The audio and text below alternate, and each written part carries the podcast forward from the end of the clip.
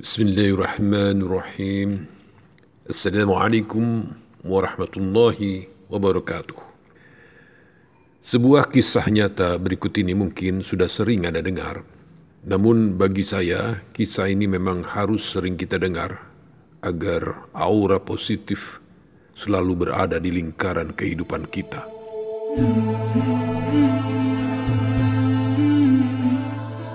Kisah ini terjadi di Turki tentang Sultan Abdul Hamid II. Suatu hari seorang pengawal sultan yang bernama Pasha datang menghadap sultan untuk melapor bahwa ada seorang yang bernama Faisal mengaku bahwa sultan punya hutang kepadanya. Wahai Sultan Hamid, ada seorang yang mengaku bahwa Anda punya hutang kepadanya. Saya sudah beri sejumlah uang, tapi dia tidak mau pergi juga. Begitu kata Pasha, sang pengawal. Di mana dia sekarang? Tanya Sultan. Di sini wahai Sultan, jawab Pasha. Suruh dia masuk. Perintah Sultan. Pasha pun memerintahkan penjaga agar Faisal menghadap Sultan.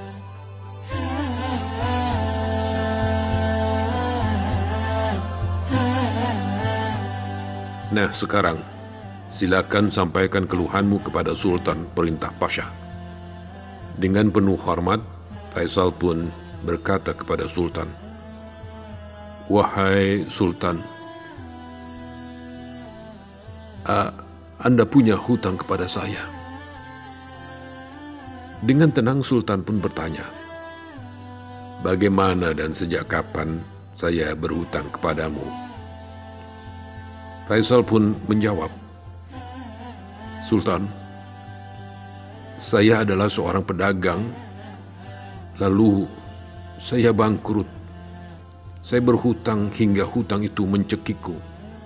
Kemudian aku berdoa kepada Allah Subhanahu wa taala setiap malam. Tiba-tiba Pasha sang pengawal menyela cerita Faisal. Faisal, Sultan bertanya kepadamu bagaimana Sultan bisa berhutang kepadamu sanggah Pasha. Namun Faisal tetap melanjutkan ucapannya.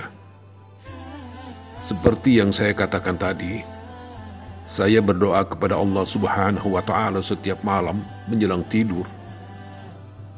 Dan kemarin saya bermimpi bertemu dengan Rasulullah sallallahu alaihi wasallam. Sontak Sultan dan Pasha terkejut mendengarnya sambil mengucap sallallahu alaihi wasallam sambil meletakkan tangan kanan di dada. Wahai tuanku, Rasulullah bersabda, katakan kepada Hamidku bahwa ia biasanya setiap malam bersolawat untukku, tapi malam kemarin ia lupa. Datangilah dia dan katakan keperluanmu kepadanya. Demikian tutur Faisal menceritakan mimpinya bertemu dengan Rasulullah Sallallahu Alaihi Wasallam. Mendengar penjelasan Faisal, Sultan langsung berdiri Tampak wajahnya begitu terharu dan menatap tajam wajah Faisal. Kemudian Sultan pun bertanya, bagaimana sabda beliau? Faisal menjawab, Hamidku, Sultan langsung memberikan isyarat agar Faisal untuk menghentikan ucapannya. Sultan lalu membuka laci mejanya dan mengambil sekantong uang dan diberikan kepada Faisal. Coba katakan lagi bagaimana sabda beliau. Sultan kembali bertanya. Faisal pun kembali menjawab.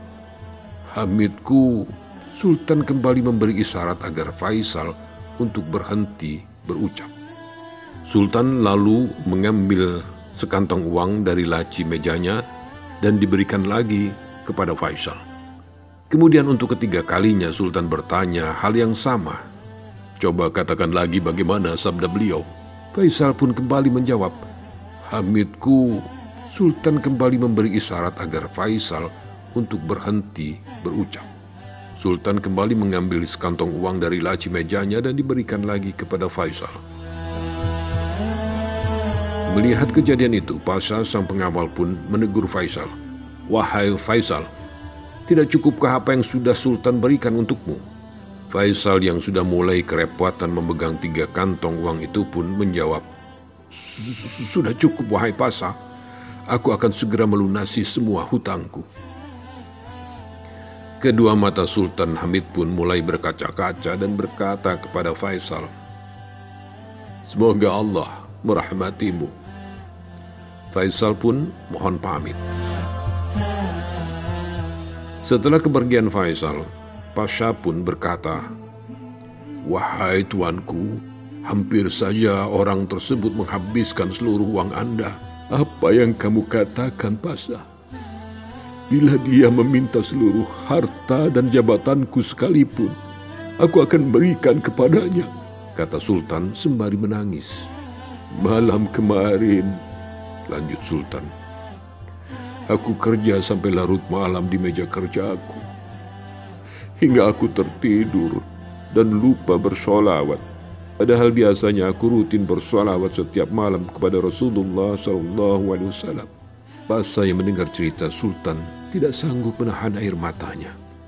Begitulah ketika orang sudah bertawakal kepada Allah Subhanahu wa taala dan kecintaannya kepada Rasulullah sallallahu alaihi wasallam. Apa pun di dunia ini dia berikan untuk akhiratnya. Semoga kisah nyata ini menginspirasi kita. Saya Elias Abdullah Assalamualaikum warahmatullahi wabarakatuh.